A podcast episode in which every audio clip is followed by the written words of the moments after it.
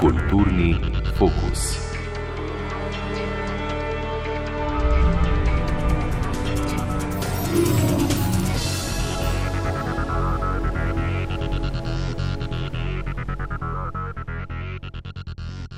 Dober večer, želim dr. Dimitri Mlekuš, vrhovnik arheologija, ki je največji arhiv verov preteklosti, materialne in nematerialne, hotene in nehotene dediščine, veda, polje, ki zaradi nečloveškega pogleda gre za uvedbo novih podatkovnih, algoritemskih, strojnih načinov gledanja, daljinskih pogledov in zaznav, postaja spremenjena in je drugačna. Nekdaj je arheolog iskal kopov, zbiral podatke na dobljenih materialnih ostankih, se pravi na terenu, na recimo enem samem najdišču, s katerim se je ukvarjal. Kaj vse lahko rečemo, da je v arheologiji postalo prelomnega, drugačnega danes, prav zaradi tega človeškega in strojnega razmerja med človeškim in strojnim? Ja, arheologija je pač veda, ki se ukvarja z našo človeško preteklostjo in predvsem preteklostjo v materialnem svetu. Ne? Kako smo ljudje upeti v ta naš materialni svet, ki ponuja cel kup nekih omejitev, kjer gre marsikaj vedno narobe. In kjer vse naše aktivnosti puščajo neke materialne sledove. Ne? In to je prav predmet arheologije. Ukvarjamo se s tistim, kar so naše aktivnosti v preteklosti eh, pustile sledove v plasteh, v, v genih živali, v ozračju, če hočete, povsod. Ne? In uh, zato je arheologija na nek način na meji med družboslovjem, med humanistiko in naravoslovjem. Ne? Ukvarjamo se z materialnim svetom, z konkretnimi ostanki, materialnimi, ki imajo svoje lastnosti, fizikalne, kemijske, biološke. Na drugi strani se pa te ostanke razumemo skozi neko humanistično perspektivo, skozi preteklost človeštva kot takega. In zato vedno delujemo na, na, na meji obeh. Ne? In zato nam tudi nove tehnologije, razvoj znanosti, naravoslovja odpira cel kup drugačnih možnosti razumeti in videti preteklost. Namreč vse, kar se je ohranilo od preteklosti do danes, je na nek način vir za arheologijo, ne? je ostanek preteklosti. In vse nam lahko ponudi nek uvid, kaj se je, zgodi, kaj se je zgodilo v, v preteklosti. In V zadnjih desetletjih imamo cel razmak nekih naravoslovnih metod, analiz, DNK, eh, kemijskih analiz, ki odpirajo popolnoma nove poglede, kaj se je dejansko zgodilo, nove horizonte razumevanja. Na drugi strani, in to je bolj predmet mojega predvsem preučevanja, so pa te tehnike daljinskega zaznavanja, teledetekcije in podobnih metod, ki nam pomagajo videti ne samo ostanke, drobne ostanke, sledove, ki so se ohranili v zemljskih plasteh, kjerkoli že, ampak krajine kot celote. Ne? Da se pravi, da, da razumemo, da vidimo, kako je preteklost na nek način vplivala, ostala v modernih krajinah, da znamo prepoznati sledove preteklih aktivnosti, kako so se vključili v ostali v, v moderni, moderni krajini. In tle na te metode daljinskega zaznavanja, satelitskega teledetekcije, zračnega laserskega skeniranja neskončno pomagajo. Prinašajo pa tudi cel kup novih težav. Ne? Ta velik pogled od daleč, ker vidimo v bistvu celotno zemljsko oblo od daleč, ne? prenaša ogromne, ogromne količine podatkov, ki seveda mi kot človeška bitja z omejenimi sposobnostmi ne moremo videti te celotne preteklosti. Ne, smo mehni v primerjavi s to preteklostjo. Ja, to veliko podatkov je hkrati seveda prinaša tudi neke vrste privid totalne zgodovine, v pogleda v totalno zgodovino. Zgodovina kot preproga, katere vzorce lahko prepoznavamo le stoje, tako kot denimo stroj, kot vsa ta digitalna podatkovna tehnologija, daljinsko zaznavanje. Torej, preproge zgodovine ne vidimo celoti, zato ker nimamo empiričnih podatkov in eh, pravega gledišča. Torej, kako zajeti totalnost in ali jo je strojno sploh mogoče? Ja, to je dobro vprašanje. To, prav te nove metode, no, pa pojav velikega podatkovja nam odpira nek način ta iluzijo, privid, da morda bomo ugledali preteklost v celoti. Ne? Jaz mislim, da je tle to mal iluzija. Ne? Dejansko smo bili do zdaj z metodami, z, z našim z količino podatkov omejeni na zgolj te drobne vzorce, mečkene vzorčke preteklosti. Nismo videli preteklost kot celoto. Ne? In še enkrat poudarjam, arheologija je veda, ki vidi, katere predmet je celotna zgodovina človeštva, zadnjih dva, dva milijona let na celotnem planetu. Ne? Se pravi, dejansko naš pogled sega je širok in sega globoko, globoko nazaj. Ampak preteklost je pa tudi luknjava, manjkajo, ogromno je manjka, zgine, ne, propade. In zato pač uh, teh sledov, iluzija, da bomo videli, kaj vse se je zgodilo v preteklosti, seveda je zgolj iluzija. Ne. Vse te metode nam bojo prenesle, veliko podatkov je, ne prenaša poplavov, plas, ne, prav, uh, tsunami, podatkov in ne, stvari o preteklosti. Ampak kako v tem tsunami ugledati to preteklost, je pa seveda drugo vprašanje, ker vsi ti podatki niso še nujno zgodovina, niso nujno uvid v preteklost, ampak so zgolj podatki, zgolj podatki o nekih sledovih. Ne. Tam smo najdli nekaj, tam je enik DNK, neke živali, tam je nekaj. Kako to povezati v celoto, je seveda pa drugo vprašanje. In tle se nam odpira nek, prav s pojavom strojnega učenja, eh, umetne inteligence, se nam pojavljajo neke možnosti, da nam bo pomagala umetna inteligenca, strojno učenje, uvideti neke večje vzorce, ki jih do zdaj mogoče nismo bili sposobni uvideti. Ne? Ja, arheologija je seveda gledanje preteklih krajin, kot ste rekli, ampak seveda to veliko podatkov je pa omogoča sledenje današnjosti hkrati ne, in upisovanje podatkov, informacij preteklosti, ki pa seveda niso duh ali pa zgodba. Ali denimo ti materialni ostanki, ki govorijo o najrazličnejših slučajih, in ne slučajih, o voli in nevoli človeka in narave hkrati. Ja, ne, dejstvo je, da veliko, veliko podatkov je, seveda modern pojav in pomeni to, da smo dejansko pre, po, preplavljeni z podatki o vsem. Ne. Naše vsakodnevno bivanje producira na, na tisoče in milijone podatkov. Ne. Ena izmed ambicij arheologije ali pa en pogled arheologije je tle, da seveda v teh podatkih so tudi podatki o preteklosti. Ne? Ker dejansko preteklosti, preteklosti ni več. Tisto, kar eh, lahko vemo o preteklosti, vemo iz eh, sledov, ki so se ohranile do danes. In če jih danes v velikem podatkovju so tudi ti sledovi preteklosti. Ne? Zdaj, seveda, teh. Kot sem že prej rekel, teh sledov je enostavno preveč in ljudje ne, ne znamo uvideti, kaj je tisto. In seveda, ključno pri tem je, da si znamo postaviti pravo vprašanje, kaj sploh iščemo, kaj nas zanima v preteklosti. Ne? Iluzija, da vsi podatki o preteklosti na kupu bojo že sami pomenili zgodovino ali pa preteklost kot taka, je seveda zgolj iluzija. Ne? Ja, eh, nekatere sledi so seveda vtisnjene v okolje, eh, kot sva rekla, z namenom ali pa tudi ne namenom. Je pa hkrati seveda eh, zgodovina, preteklost, tudi prostor idej, denimo kultur, eh, določenih eh, sistemov, družbenih, političnih. Seveda tega denimo to veliko podatkov je, se pravi, ta eksplozija možnosti prepoznavanja sledi ne more zaobjeti kar tako. Ne more zaobjeti kar tako, seveda. Ne, zdaj, arheologija se ukvarja na nek način, predmet arheologije so banalnosti vsakdanjega življenja. Sledovi, ki jih puščamo, večinoma ne hote, smeti, če hočete. Arheologija je nek način brskanje po smeteh, če zelo ponestavim. Ne?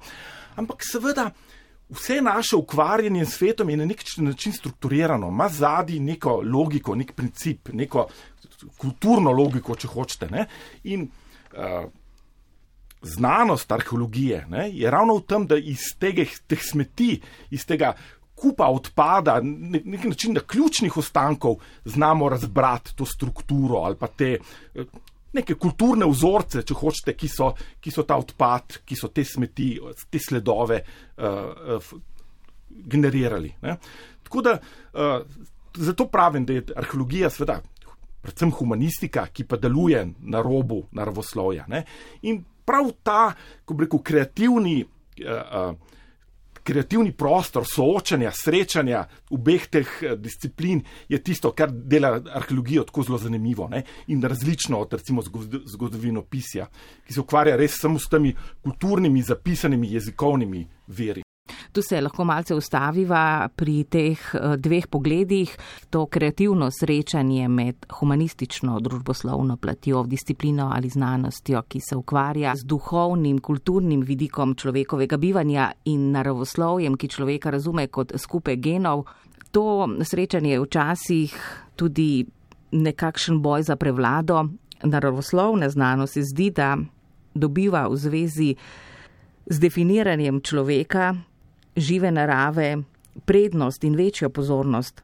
Kam se torej potem giblje na tem presečišču arheologija?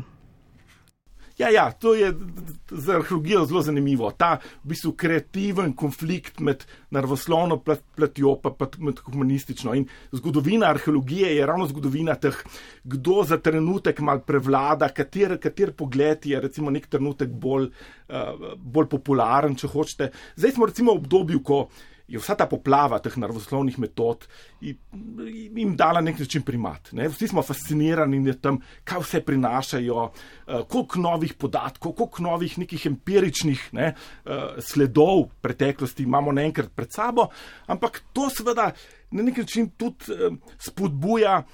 Nova vprašanja, nove rekel, humanistične teorije o tem, kakšen je doseg seveda, teh metod, kaj nam ti podatki povedo in kako z njimi lahko razumemo preteklost, pa človeštvo drugače.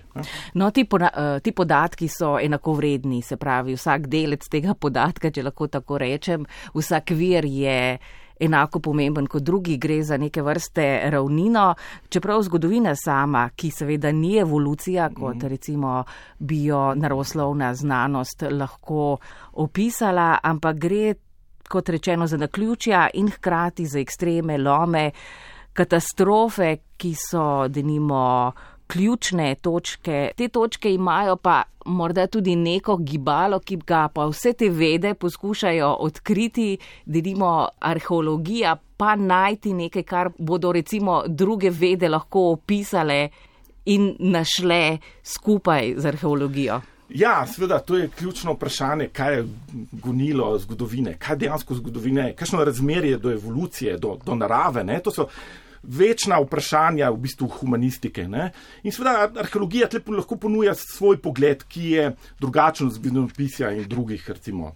Ved, Naš pogled je predvsem ta materialen. Kako smo ljudje na nek način upeti in so obstajamo skupaj z materialnim svetom, z živalmi, z materijo, z snovmi in tako naprej. In kako te stvari vplivajo, vplivajo na nas. To seveda včasih pomeni, da so nekatere interpretacije zelo simplistične, tudi v arheologiji, ne? okoljski determinizem, tako da so ljudje determinirani z okoljem in tako naprej. Po drugi strani pa spoh z temi novimi metodami, ki kaže na vso to, ta spektr različnih sobivanj z rastlinami, živalmi, z snovmi, kaže na neke druge možnosti eh, eh, razumevanja zgodovine. Na nek način so, so bivanja, ki generira neke nove oblike. Tako, ne? No, eh, pozorni smo torej lahko na pojave, ki vznikajo tudi iz teh podatkovnih korelacij, mm. torej na različne trende, anomalije, kompleksne vzorce, algoritme prepoznavanja. To, vse to, ta digitalna tehnologija, informacijska tehnologija zna bolje od ljudi. Ampak kaj pa, če se denimo ti algoritmi samo osvojijo oziroma postanejo samostojni in eh, niso le več naši, denimo pomočniki, temveč sami ustvarjajo znanje, za koga potem? Ja, to je dobro vprašanje. Ne? In To je nekaj, kar nas mora začeti skrbeti na nek način. Skrb, moramo se začeti ukvarjati s tem. Dejstvo je, da če dalje več rekel, manualnega, znanstvenega dela upravljajo algoritmi. Ne? Kot ste rekli, lepo eh, pomaga nam odkrivati vzorce, pravilnosti, trende v tem spoh velikem podatkovju, ki jih drugače ljudje s svojimi omejenimi kognitivnimi zmožnostmi enostavno ne moremo. Ne? Ampak razvoj umetne inteligence bo pripeljal do tega, da uh, bojo videle stvari, ki jih mi ne vidimo in niti ne razumemo, ne? in jih bo, bojo mogoče interpretirali po svoje. In to bo zgodovina, ki bo zgodovina pisana. Ki jo bojo pisali stroji za, za stroje. Ne? Zato se mi zdi ključno, da na nek način usmerjamo, razumemo, kaj ti algoritmi počnejo, in uh, usmerjamo uh, razvoj tega, tudi humanisti, tudi, tudi arheologi. Ne. Mislim pa, da ponuja tudi velik potencial, kakorkoli sem zdaj pokazal, nek strah pred temi, pred temi uh, metodami. Omogočajo pa, da, nam, da vidimo tudi stvari, ki jih tradicionalno ne, ker naše razumevanje preteklosti je razumevanje skozi neke tradicionalne koncepte kultur, gradualnega razvoja in tako naprej. In tako naprej. Te tehnologije nam lahko pokažejo nekaj popolnoma druge vzorce preteklosti, ki jih bo treba pač razumeti pa tolmačiti na človeški način in to je pač naloga, bo naloga arheologije. Ne. Čeprav morda ne bomo vsi ali pa množice ljudi ne bodo za to usposobljeni, torej je nevarno in nerealno, da bi veliko podatkov, je, veliko podatkov mm. je napisalo zgodovino ali pa denimo nas, eh, kar samo. Vendar le, če se vrneva malce v preteklost, kje pa obstaja vzroki, najbrž ni bila arheologija kot veda vzrok za to, da se je sploh začelo razvijati to podatkovje. Avtomatizirani sistemi računalniškega vida so bili verjetno dobrodošli v vojaški industriji in vojaški tehnologiji. Prva vojna je nekakšen začetek, nekakšna revolucija tega, seveda pa omogoča tudi množičen nadzor ljudi, ne le objektov, ne le prostora, ne le geoloških plasti. Torej, rezultat poznega kapitalizma je tudi možnost nadzora našega vedenja in našega vedenja. Ja, seveda, veliko podatkov je, je pač družbeni fenomen, ki je rezultat nekega poznega kapitalizma, ne, tega nadzorovalnega kapitalizma in dejstva, da vse, kar počnemo, pušča nek izpuh podatkovni. Ne. Se pravi, vse, na, vse naše vedenje proizvaja množice in množice podatkov. Ne. Mobilni telefon. Proizvede, hočemo ali nočemo, ne da bi vedeli množico teh podatkov. Skratka, podatki se kupičijo, hočemo ali nočemo, ne samo podatki, ki so namenjeni družbenemu nadzoru, uh, profitu in tako naprej, ampak tudi dejansko svet je opremljen z množico nekih senzorjev na satelitih, uh, mobilnih kamerah in tako naprej. In vsi ti podatki imajo, kakorkoli, seveda so, so problematični. Zdaj se ne bo spuščal v ta družbeni fenomen velikega podatkovja, ampak v njih je tudi potencial, da vidimo stvari drugače. V njih so zapisani tudi sledovi preteklosti. Ne? In z primernimi metodami, algoritmi jih lahko izluščimo in vidimo, si pomagamo bolje razumeti preteklost. Ne? No, nekje ste zapisali, da bodo morda v prihodnosti nanoroboti celo rili po zemlji na mesto nas. Ja, ne, tako, tehnologija gre tako naprej, ne, da na nek način naša telesa nadgrajuje. Ne. Arheologija je tradicionalno zelo, ko reko, telesna veda. Ne. Vedno ste neki s telesom na terenu, ste v stiku z. Ste v stiku z zemljskimi plastmi, z artefakti. Ne? Morate biti s telesom, tam opazujete z, z očmi in tako naprej. Ampak v zadnjih desetletjih ne, je šel razvoj tako naprej, da naša zaznava ni več telesna zaznava, ampak jo zaznavajo sateliti, letala, droni, omogočajo opazovanje, detekcijo preteklosti. Uh, Veliko stvari na terenu ne, ne, ne, ne opazujemo več direktno z očmi, z otipom, pa celo z okušanjem, ne? ampak imamo za to stroje, naprave, ki producirajo podatke. Ne? To ni več telesna izkušnja, ampak je nek način interpretacija podatkov, ki jih, ki, ki jih producira stroj. In o tem govorim. Ne? Če ekstrapoliramo ta razvoj naprej v nekaj desetletjih, ne, bojo naša telesa na terenu pri raziskovanju preteklosti verjetno zamenjali roboti. Vendar le ti podatki, ki so zbrani, tudi analizirani, ki tvorijo neke nove, denimo, kvalitete, pa da nimo ne občutijo tega celotnega okolja, nimajo teh možnosti in tudi pred nas ne postavljajo podobe, s katerimi sami občutimo in opisujemo svet. Ja, ne, se to je na nek način težava. Ne. Zgubljamo tako breku človeško percepcijo. Ne. Arheologija, kot sem rekel, je vedno bila telesna veda in smo jo pisali in uh, govorili, interpretirali skozi skoz naša telesa, skozi telesno izkušnjo, biti nekje. Ne. To je zdaj druga izkušnja, drugačna in zahteva na nek način, da jo prevedemo v človeško izkušnjo, če se to sploh da, ali pa bo prenesla neko popolnoma drugačno razumevanje preteklosti, o kateri so govorila prej. Ne. Seveda s to tehnologijo že naseljujemo tudi v obliki smeti vesolje druge planete, kjer eh, iščemo druge entitete in identitete, vendarle. Pogledujemo po naših dvojnikih nekje druge, po civilizacijah nekje tam, za našim bregom in potem na podlagi naših značilnosti poskušamo ugotavljati razlike pri drugih, ampak če izhajamo iz naše lasne podobe, našega lasnega bitja, naših lasnih značilnosti, potem dejanske različnosti ne moremo ugotavljati niti v nas samih, kaj šele različnost pri drugih. Potem tudi težko uzremo tega drugačnega. Ja, mislim, seveda, ne, glavni problem Zdaj, če greva v raziskovanje vesolja in problem ne, nezemljskih civilizacij, kultur ali pa življenja, ne, je seveda kako prepoznati drugačnost. Ne. Uh, že na Zemlji imamo težave prepoznati drugačnost. Ne.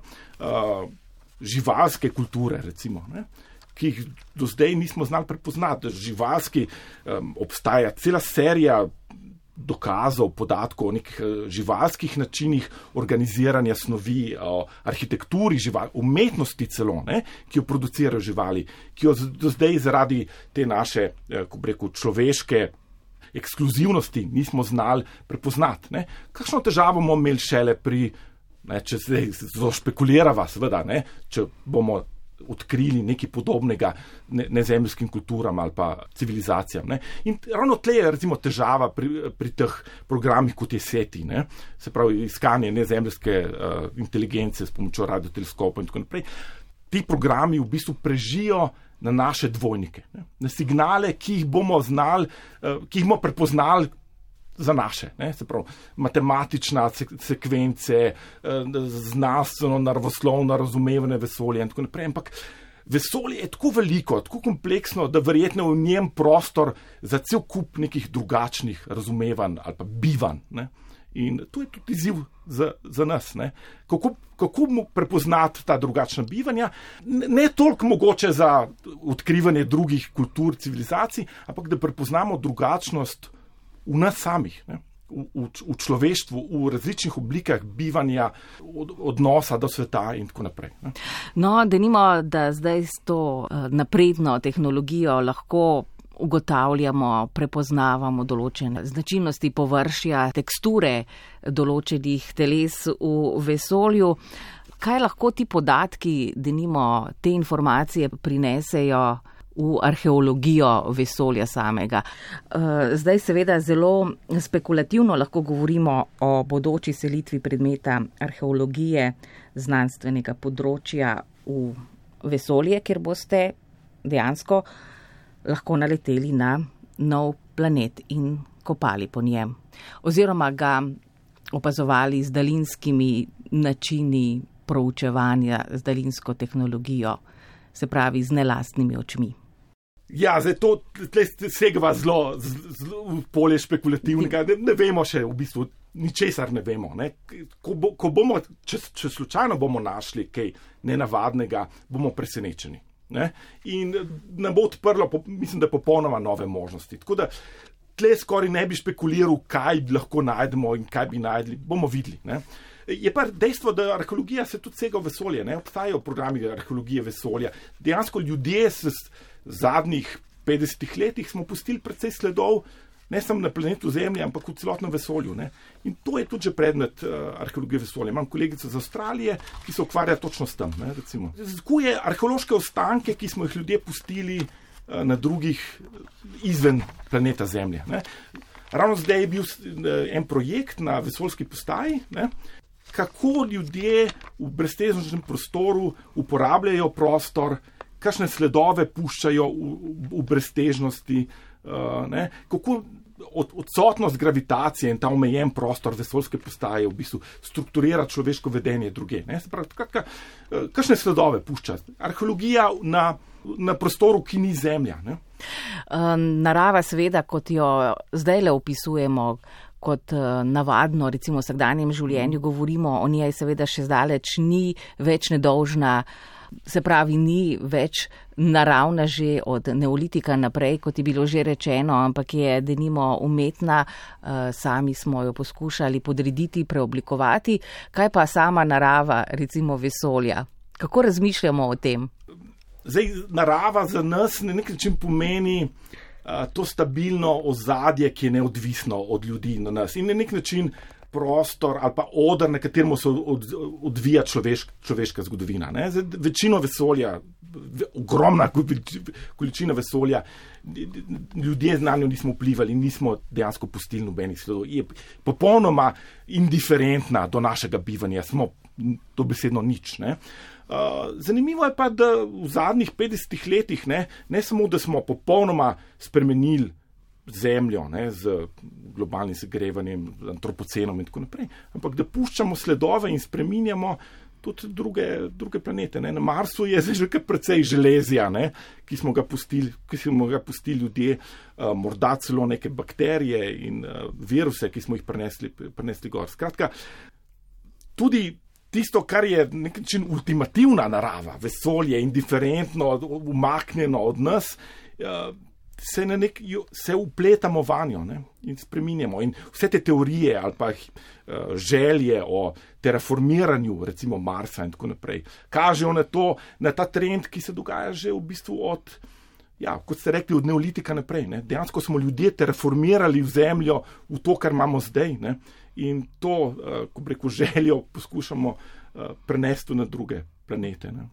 Gospodstvo in vpliv človeka na življenski prostor je bil in je na Zemlji tako odločilen, očitno, da smo zadnji dobi dali ime. Zadnji geološki dobi dali ime antropocen, vendar, če govorimo o daljavah in širjavah, mejah, ki jih predstavlja zemljsko območje bivanja, kaj se zgodi s človekovo kulturo, njegovimi mejami, zamejitvami človeškosti, v primeru, da to kulturo poskušamo upeljati v vesolje, v drugačno, denimo tudi materialno okolje. Kar očitno z določenimi znani, z določeno tehnologijo že počnemo, s to našo kulturo poskušamo seči dlje. Ja, zdaj, človeštvo je na nek način staro, recimo, dva milijona let, bomo tako rekli, ne? zelo, zelo okroglo. To, kar prepoznamo kot človeštvo. Ne? Eh, predtem imamo, kje je meja, kje se začne človeštvo, je seveda problematično. Kje se bo končalo, kje je druga meja človeštva, je seveda tudi odprta vprašanje. Ne? A bomo. Zdaj spet spekuliramo, govorimo o velikih, velikih stvareh, ampak a bomo ljudje, ko bomo terraformirali Mars, ko bomo živeli na Marsu, a bomo še ljudje v istem pomenu, kot smo ljudje, ljudje zdaj, ne? živeli v nekem drugem, nekem drugem svetu, nekem drugem materialnem okolju, ne? uh, z neko drugo tehnologijo. A bo tudi kultura drugačna, bomo to še lahko imenovali človeštvo ali bo to kaj drugega. Skratka, te meje, robovi, kaj je človeštvo, kaj je kultura, so na nek način zelo odprti ne? in ravno zato zanimivi. Ne? Ne? to vprašanje, večno vprašanje arheologije, kje se začne človeštvo, kje je una iskrica kulture ljudem eh, se v, v Čeh odprla, ne, seveda nima odgovora ne, in bomo vedno na drugačne načine poskušali na njo odgovoriti. Ne.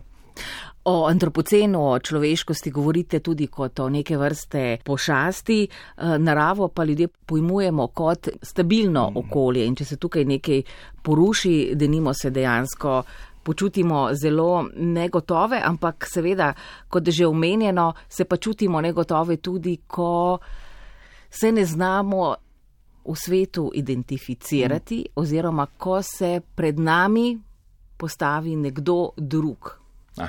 Ja, zdaj, ja, antropocen, se pravi to zadnje geološko obdobje, ne, ko smo ljudje postali uh, geološka sila, tako kot vulkani, pa potresi in tako naprej, nas postavlja pod celim kupom. Cel kup enih vprašanj in dilem. Skratka, če parafraziram tle Lenina, ne, kot je rekel, so, obstajajo uh, leta, ko se ne zgodi nič, in obstajajo tedni, ko se zgodijo leta. Lahko reč, isto rečemo za antropocen. Ne? Obstajajo geološka obdobja, ko se ne zgodi nič, in se, se obstajajo leta, zadnja leta, v katerih živimo, v katerih se dogajajo cela geološka obdobja. Ne? Kar dobesedno pomeni, da tisto, kar je geologija nekaj trdnega, stabilnega, kar deluje zelo, zelo, zelo počasi, je naenkrat se začela premikati z neznosno hitrostjo in dobesedno spodmika tla, tla pred nogami. Ne? In tukaj se moramo se sprašujemo, a smo, kaj je sploh narava, ne? a je ta svet, kaj nas čaka. Na nek način smo ljudje ustvarili to pošast antropocena, ki zdaj stoji pred nami in nas postavlja pod vprašanje, kaj hoče od nas, kaj mi hočemo od sveta. Ne? Ja, v tem materialnem svetu se seveda prilagajamo na okolje, tudi na trajajočo klimatsko krizo, ki seveda ni nek rezultat zgodovine, ampak smo, kot smo rekli, v tem brez nekega garanta, da bomo to sploh preživeli. Ja, se, dejansko antropocen je, je tako problematičen, ker dejansko ne vemo, kaj nas čaka. Ne. Prihodnost je popolnoma odprta. Ne. Popolnoma odprta in iz njega bomo videli, kako bomo išli. Ne? To vprašanje, prej, ko sem govorila o človeškosti, kulturi, kulturi to je to, točno to vprašanje. Kakšen bo izid naš soočenja z antropocenom? Ne? Dejstvo je, da iz zgodovine se nikoli ne, ne, ne učimo. Kaj bo, ne? ampak samo vemo, da pač nič ne vemo. Odpira nam radikalno nove, nove vprašanja, nove probleme. Edino, kar se mogoče pri antropocenu lahko naučimo od zgodovine, je to, da še nikoli ni bilo tako hudo. Da v bistvu prihodnost človeštva je zdaj pa res na, pod vprašanjem. No, klimatsko krizo označujete tudi kot našo kulturno dediščino.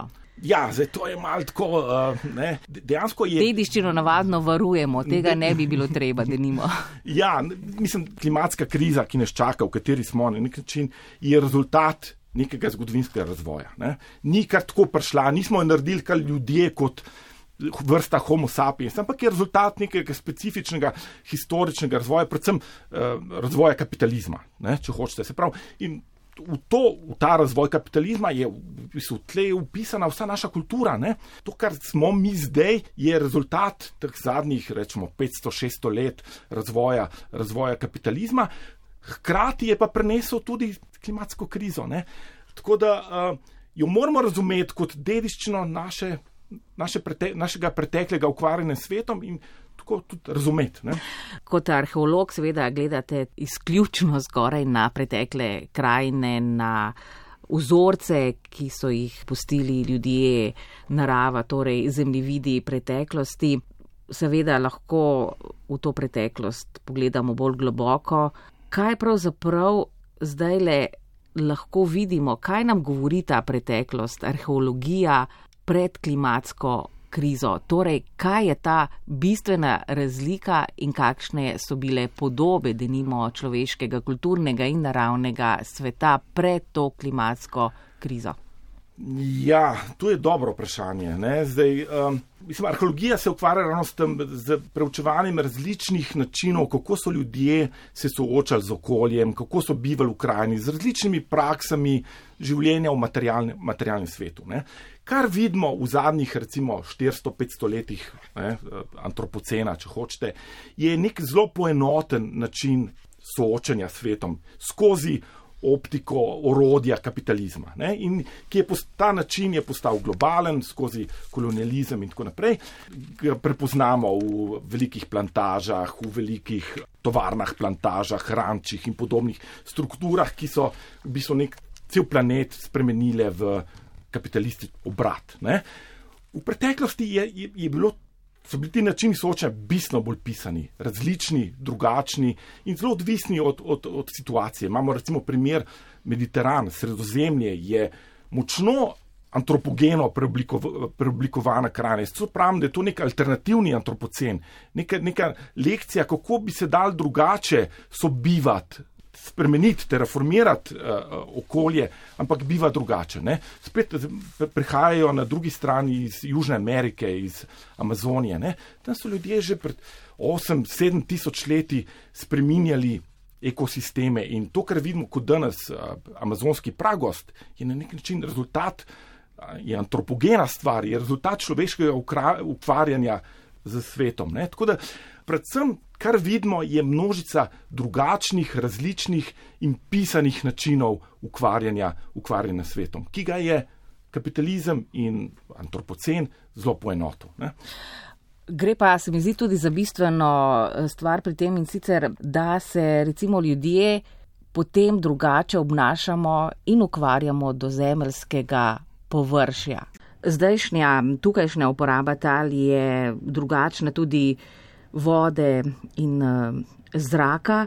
Cikli, ki so prej potekali, torej uporabi vzemi na način, da se bodo tla lahko obnavljala naprej, da nas bo preplavljal bolj svež zrak, z nami ne funkcionirajo več. Ja, kar se, kar se tiče rabe tal, to, to sem govoril o, o tem, ne, o plantažah, o, o rančih, zelo podobnih načinih ne, ukvarjanja rabe tal, ki so skozi neko kapitalističen način proizvodnje se oblikovali. Ne. Zdaj iz zraka nekaj, kar drugače imenujemo to metabolična razpoka na nek način, ker jemljemo stvari iz okolja in se ne vračajo več v, v tem krogu, ampak jih zgoščujemo in prenašamo nekam drugam in skozi neko drugačno rabo postaje odpad. Ne. Kar je značilno za recimo antropocensko rabo prostora, je, da produciramo ogromne količine odpada, ki ni več recikliran, tako kot v preteklosti, ne. ampak postaja, se kopiči pomislimo na betonske ruševine, na plastiko in tako naprej. Ne. Ne, plastike je, je več kot je, kot je biomase na, na, na planetu Zemlja. Ne. Se pravi, tisto, kar skozi rabo Zemlje, snovi, ki jih, ki jih pridobimo, ne, postaje odpad. Ne. In ta odpad, to krase, nam grozi, da nas bo zasul. Ne. Da, se bomo utonili v tem odpadu. Ne. No, prej smo govorili o različnih in novih metodologijah arheologije, humanističnih ter naravoslovnih ved. Za vse to seveda potrebujemo sredstva, če želimo vso to tehnologijo uporabljati. Kako delujete arheologi v današnjem trenutku, recimo z omejenimi sredstvi? Ja, arheologi smo vedno tako znali delovati na robu ne? in uporabljati, uh, mobilizirati druge discipline, uporabiti tisto, kar so druge discipline iznašle. Ne? Tako da, ja, dejansko za arheologijo, seveda, ne, ne, družba ne namenja veliko denarja, na nek način tudi razumljivo. Tako da si pomagamo z sodelovanjem s kolegi, z uporabo podatkov, ki nastanejo iz drugih verov in tako naprej. Ne. Jaz recimo, eh, moja vsakdanja služba je v varovanju kulturne dediščine in tam večino podatkov dobimo od investitorjev, tistih, ki posegajo v prostor, kjer eh, producirajo podatke za svoje potrebe, za načrtovanje, ampak jih mi lahko interpretiramo skozi arheološko perspektivo. Ne. Tako da smo nek način, pravim, vrhovinari, ne. Najdemo podatke tudi tam, tudi če nimamo veliko denarja, tudi če nimamo specializirane opreme. Ne. No, ampak seveda se dejansko arheologija danes spreminja v neko drugo vedo, bolj raziskovalno. Ne včasih, da nimo je bil temelj ali v tistih romantičnih časih, recimo začetka egiptologije, je bilo iskanje, kopanje na terenu. Eh, zdaj pa vendarle s temi novimi tehnologijami imam občutek, da ko nekako ni več potrebe po tolikšnem sodelovanju s terenom, da se ta veda spreminja v bolj raziskovalno, postaja še veliko bolj teoretično filozofska veda. Mislim, še vedno je terenska veda. Je pa res, da seveda izkopavanje če dalje, če dalje manj, spoh tako, kot reko, načrtnih, raziskovalnih. Eno je seveda tudi ta, zaradi tega, ker arheološke ostaline lahko razumemo kot omejen vir. Ne? In izkopavanje, raziskovanje jih na nek način uniči. Sveda dobimo podatke, ampak tistih primarnih ostalin sveda ni več. Ne? In ena tudi doktrin varovanja dedične je v tem, da je teh posegov destruktivnih v dedično če dalje manj. Ne? Tako da uporabljamo cel kup drugih metod iz podatkov, ki so že zbrani, pa tudi seveda metode, kot so daljinsko zaznavanje, razne neinvazivne metode opazovanja preteklosti. In predvsem tle je bila velika revolucija v zadnjih, v zadnjih nekaj desetih letih. Ne. Kakšne so razlike, da nimo med radarskim delovanjem, opazovanjem in pa uh, lidarjem, da nimo? Ja, lidar. Zračno lasersko skeniranje je metoda, kjer z laserskim žarkom v bistvu tipamo po tleh in merimo razdaljo ali pa višino tal. Dobimo nek način obliko tal, tako kot da bi jo tipali s prstom. Ne. Omogoča zelo natančno tipanje površja, ravno zato, ker lahko ta laserski žarek zelo precizno usmerimo, ne, kaj tipamo. Radar je seveda bolj, bolj splošen. Ne. Uh, ne dobimo tako velike natančnosti. Uh, tako da se v arheologiji uporablja predvsem to uh, zračno lasersko skeniranje ali lidar. Ne? In uh, predvsem v Sloveniji, ki je prekrita z gozdom, smo imeli z lidarjem neverjetno, uh, je prinesel neverjetno napredek, napredek ne? nove, nove rezultate v zadnjih koliko je zdaj to že 15 let, kaj se ukvarjamo. Delujete predvsem eh, v Sloveniji ali tudi kje drugje? Eh, se priključujete tudi skupinam, denimo, ki raziskujejo življenje starih civilizacij, ki burijo duhove oziroma so enigmatične. Ja, zdaj, jaz osebno se ukvarjam zadnja leta predvsem Slovenijo. Ne. So pa tudi kolegi, recimo kolega Šprajc z, z RCSU, ki se ukvarja, ki podobne metode uporablja v Mehiki. Uh, z fantastičnimi rezultati. Ampak tudi fantastične rezultate imamo tudi v Sloveniji. Ne? Dejansko nam je odprl popolnoma nov svet. Tisto, kar do zdaj ni bilo vidno, se je prikazalo zelo tipljivo in stvari, s katerimi se arheologija prej ni ukvarjala, ker jih ni poznala, kot so sistemi zemljiške razdelitve, rabe tal.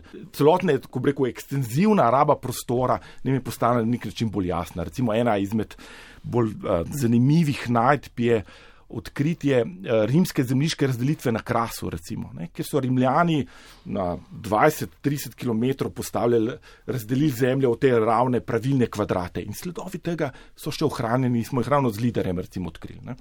Ali nam bi to kaj pomagalo k sodobnejši rabi zemlje v tem trenutku, ko pravzaprav razmišljamo o tem, da moramo postati bolj samozadostni? Ja, jaz mislim, da Tle je vloga arheologije, da nam pomaga razumeti v bistvu to dolgoročno rabo prostora. In en izmed projektov, ki jih imamo trenutno, je ravno to: prepoznati, kako je prostor Slovenije bil v zadnjih deset tisoč letih rabljen na različne načine, prepoznati različne vzorce rabe prostora v Sloveniji, kateri prostori so bolj zanimivi, bolj obremenjeni, kateri manj, kje imamo še neke alternativne prostore. Recimo, izkazalo se je, da sploh prostor zahodne Slovenije v prazgodovini je bil veliko bolj rabljen kot recimo danes. Veliko bolj ekstenzivno. Se pravi, imamo obširna območja, pretek, kmet, kmetijska območja, ki so danes pod gozdom, ampak so bili v prazgodovini nive, pašniki in, in podobne stvari. Skratka, nek drugačen uh, vzorec rabe prostora. Izkazalo se je, da v bistvu ta današnja raba prostora je nek način nastala v srednjem veku. Ne. Slovensko današnjo krajino je zaznamovalo tam 10-11 stoletje iznajdba tega pluga, težkega kovinskega pluga na spari volov, ki so začeli obdelovati zemljo na podoben način, kot se je recimo še v historičnih časih.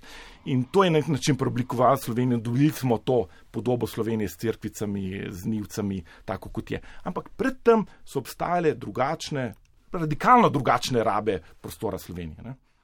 Govorite o zahodnem delu Slovenije, nasploh pa do teh bolj klasičnih arheoloških odkritij, klasičnih izkopavanj pridemo navadno, ko spreminjamo krajino z novo infrastrukturo, gre za gradbene projekte in pa seveda za grajenje cest, železnic in drugega. Ja, to je zdaj praksa, temu se reče preventivna arheologija. Ne? Skratka, gre za to, da tem, ker se načrtuje nek, nek projekt, prostorski projekt, pridemo prej arheologi, pogledamo, kaj od arheologije je tam ostalo. To je predvsem zato, da se seveda izognemo uničenju arheologije, izkopavanju, uničenju, po drugi strani pa tudi načrtovalec in investitor tako projektira svoj, svoj projekt, da se izogne dragem izkopavanjem, raziskovanjem dediščine. In to je en tak vzdržen način vključevanja arheologije v proces načrtovanja, načrtovanja prostora, ne, ki je zelo uspešen in ki deluje v Sloveniji v zadnjih uh, skoraj že 15 let, 12 let. Sveda so tudi raziskovanja, še vedno so raziskovanja, ki so strogo znanstvena, ki, ki so raziskovanja zaradi arheologije same. Čeprav je pa res, da tega je če dalje manj. Ne? Iz množice razlogov. En izmed njih je tudi to, da seveda raziskovanja so destruktivna in na koncu pomenijo, da teh ostalin, ostalin ni več. Je pa res, da v zadnjih letih je ravno zaradi velikih posegov v prostor večina arheoloških podatkov prihaja, terenskih eh, podatkov prihaja z teh raziskav načrtovanja prostora. Ne. Katero recimo najdišče ali pa mogoče najdišče vas bi zanimalo, pa še nimate možnosti delovati na njem? Fu, mislim, mene kot tako mi zanima prostor celoten, mene zanima Slovenija v celoti. Sprav, rad bi, če da čim bolj ekstenzivno razumel različne vzorce rabe prostora v, v, celotni, v celotni Sloveniji. Ne. Skratka, zanimajo me ti prostori, nekakšni marginalni, uh, ki kažejo neke drugačne rabe prostora eh, in bivanja, kot ga poznamo danes. Ne. Ja, jaz, jaz se predvsem s krasom ukvarjam in zahodno Slovenijo, kot sem že prej omenil. In tle je še kar nekaj takih prostorov, ne, predvsem na krasu, ne, recimo okolica Škocijana je zelo fascinantna, ker kaže ne, neko drugačno zemljiško razdelitev, na neko drugačno politično razdelitev, ne, uh, na neke ritualne rabe prostora in tako naprej. In to je verjetno. Prostor, ker mi bom deloval še naprej. No, ravno ti ritualni prostori, da nimo, so z novim pogledom, da nimo v drugačne starovirske načine življenja postali zanimivi, da nimo na krasu jih je veliko. Ja, seveda. Ja. To staroverstvo je v zadnjih letih, predvsem zaradi uh, delovanja gospoda um, Pavla Medveška, Pavla Medveška ne, je postalo zelo popularno in je vzpodbudilo tudi cel kup nekih novopoganskih gibanj in tako naprej. Tako da je postalo na nek način modern družbeni pojav, ki ga je treba kot ta zdaj tudi razumeti. Ne. Zdaj, izvori tega staroverstva. So seveda problematični in so seveda tudi predmet arheologije. Jaz imam kar nekaj kolegov, ki se s tem ukvarjajo. Jaz sicer se ne, ker mislim, da je treba malo tudi razločiti ta, ko reko, modern družbeni pojav uh, tega novo poganstva do de dejanskih konkretnih materialnih ostatkov. Jaz, tako, kar sem govoril prej o teh ritualnih uh, rabah preteklih, govorimo o prazgodovinskih, ki verjetno nimajo neke kontinuitete z reč, rečemo, staroverskimi praksami, kot, jih, kot, jih, eh, kot so dokumentirane. Ne. Glede na to, da pač ste predavatelj, da učite na fakulteti, mm. hkrati seveda sodelujete z mladimi ljudmi, imate upoglede v to, kako razmišljajo, kam se nagibajo, kaj jih zanima, kakšne vrste raziskovanj, kakšne metode so jim blizu.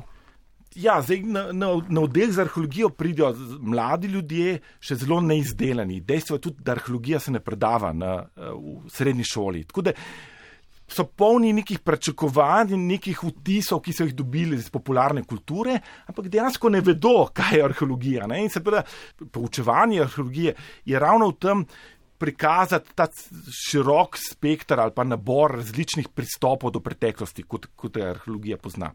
In um, nekateri izmed njih so razočarani, ker arheologijo poznajo iz, iz popularne kulture, ker je mal drugače kot v resnici. Večina jih je, mislim pa, navdušena, ker jim odpremo cel kup novih možnosti. Dejansko arheologija mlademu človeku odpre uh, cel kup različnih poti življenjskih, ne? Cel kup novih spretnosti, da od obvladovanja. Obdelave podatkov, dela z računalnikom, obdelave daljinskega zaznavanja, do čisto humanističnih znanj, ne? branje člankov, primerjave tekstov med seboj in tako naprej. Tako da jaz moram reči, da sem vedno navdušen, ko kakšen izmed študentov zaključi pri meni z magistrsko nalogo, ker nas je malo na, na oddelku, ker ga lahko spremljam in vidim, kaj je nastalo kaj je nastalo z njega. Še lepše je pa videti pol te mlade ljudi, uh, ko dejansko začnejo delati arheologijo in prispevajo k novemu znanju. Ne. Ampak so bolj navdušeni, da nimo uh, nad informacijsko tehnologijo, nad temi možnostmi ali to, da nimo, da lahko delujejo na zraku, ne v pisarni. Zelo različno, zelo različno, zelo različno. Nekateri najdejo, se najdejo pač v tem, v daljinskem zaznavanju, je recimo dosti popularno, to je predmet, ki predavam, je sicer izbirni, ampak imam vedno dovolj študentov. Nekateri so pa zelo radi na terenu in so tudi dobri na terenu. Tako da se pravim, arheologija na nek način odpira predvsem možnih načinov ne, ukvarjanja s preteklostjo. Ne. Najlepša hvala za ta nocojšnji pogovor o daji kulturni fokus, dr. Dimitrij Mlekuš, vrhovnik in seveda še veliko uvidel, pa naj si bo to z lastnimi očmi ali s kakimi tehnološkimi pomagali. Najlepša hvala.